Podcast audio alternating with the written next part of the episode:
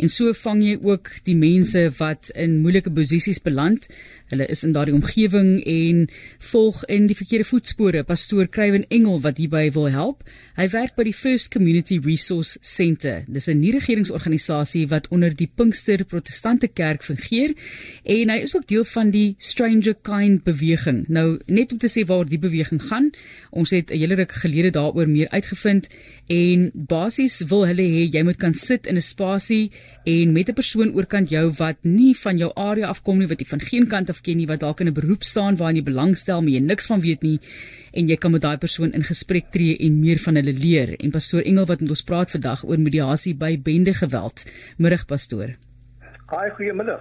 Hoop u is droog en snoesig, maar hoekom hierdie rigting? Hoekom is hulp in terme van bende geweld vir jou as mens belangrik?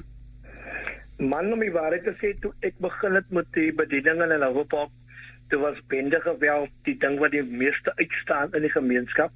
En dan was dit nou armoede en dwelms, maar ons het maar probeer om die ding aan te spreek wat in ons oog vassit en wat reg voor ons staan en ons weet dat as ons daai nie aanspreek nie, dan sal die probleem net erger geword het.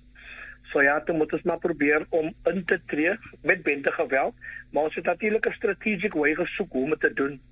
Daarom het ons ons nou met die ceasefire kill violence begin waar dat ons direk met bendes uh, mediasie doen, mediations doen en direk bendes hulp aanbied sodat hulle hulle behavior kan change en dan ook 'n uh, nuwe rigting inslaan. Die vraag natuurlik pastoor is wil hulle hulle gedrag verander? So julle help om mense se gedrag te verander, maar soos enige iets ek meen ek wil dit vergelyk selfs om te verslawing, jy moet eers sê ek wil verander, ek wil 'n nuwe pad inslaan. Wil hulle verander? Man, om die waarheid te sê, daar twee tipe bendes wat wil gehelp word, you know. Uh die een tipe roep ons environmentally contaminated met uh geweld en bende en dwelms. Die ander is behaviorally contaminated. So die een groep is weer dat hy groei op en hy het nie keuse teen aan bende geweld nie want die hele area is beswadder met bende geweld met dwelms en druglos en daai. So soos hy opgroei raak hy outomaties contaminated. Amper soos TB iemand hoes en jy kry maar jy wil dit hê nie. So daai groep skree altyd uit vir help. Want hulle het hierdie keuse gemaak om gangs en so aan te join. Hulle was plek plek meer geforseer deur die system en die urban displacement en die poverty en die substance wat freely available is. So daai groep skree altyd uit na help en daai 80% van bendes as environmentally contaminated. Die ander 20% is ook kies maar weet na die fame soek en wat na die power soek en wat na die nou meer na die syndicate level toe wil beweeg. Is baie difficult om hulle te help. So hulle skree nie eintlik vir help nie. Maar 80% van bendes sal ek dink roep uit na help en wil gehelp word en daarom kan ons uit 'n groep van 10 wat altyd na ons toe kom, maar kan ons sien ons het 'n goeie 7 tot 6 wat regtig al 'n goeie exits maak en wat gereïntegreer word reg in uh, terug in society.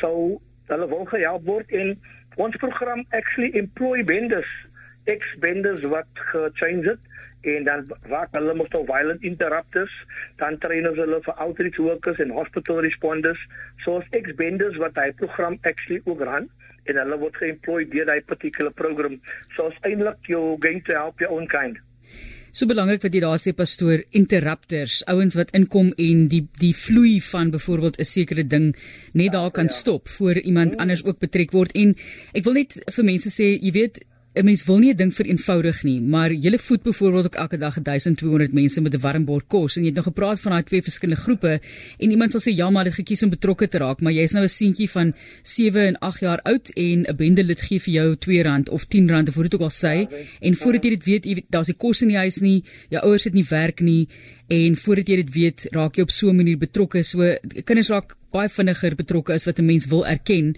So 1200 mense wat jy ook met kos voed. 'n Mens moet ook as jy iemand se lewe wil omkeer vir hulle kyk op hulle basiese vlakke of na hulle kyk op hulle basiese vlakke. Nee, definitely. Ek dink dat die die probleem met baie mense wat dink dat bendes daar's geld in bendeskap, daar's nie enig geld nie. 'n Normale bende, hy sê hy moet 'n R5 'n dag, you know.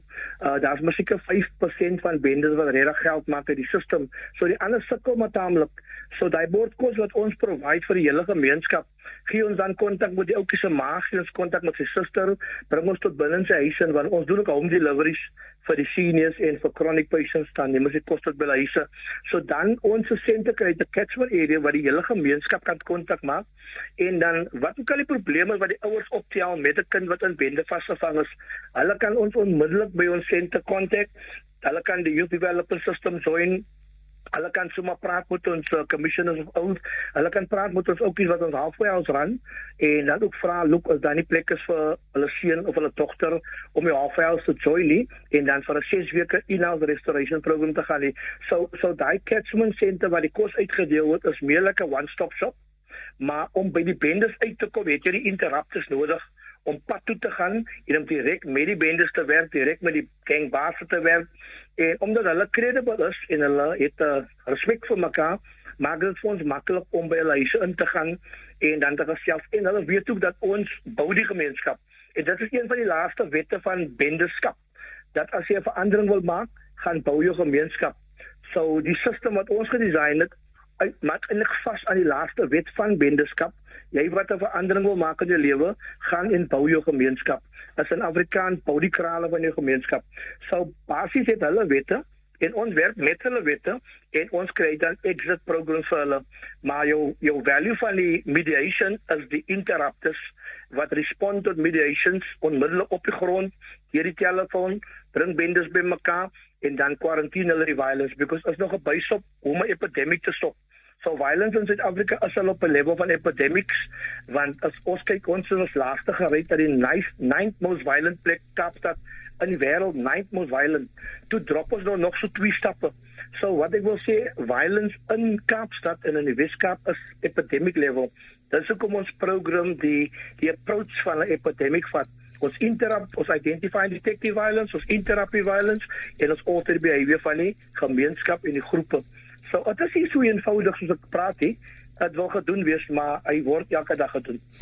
Ek moet sê deel van die oplossing is om 'n persoon deel te maak van 'n familie of om te laat voel asof dit deel is van iets want dit is op die ou end wat baie van die bendes doen om kinders betrokke te kry of 'n persoon betrokke te kry ons is jou familie en mense kan vergelyk met kinders op straat wat sê ek het daar 'n familie geskep en gevorm saam met ander kinders op straat wat ek nie by die huis byvoorbeeld ervaar nie. So dis alles baie komplekse sake hierdie pastoor en ons sê vir jou dankie vir die feit dat jy probeer om dit op te los.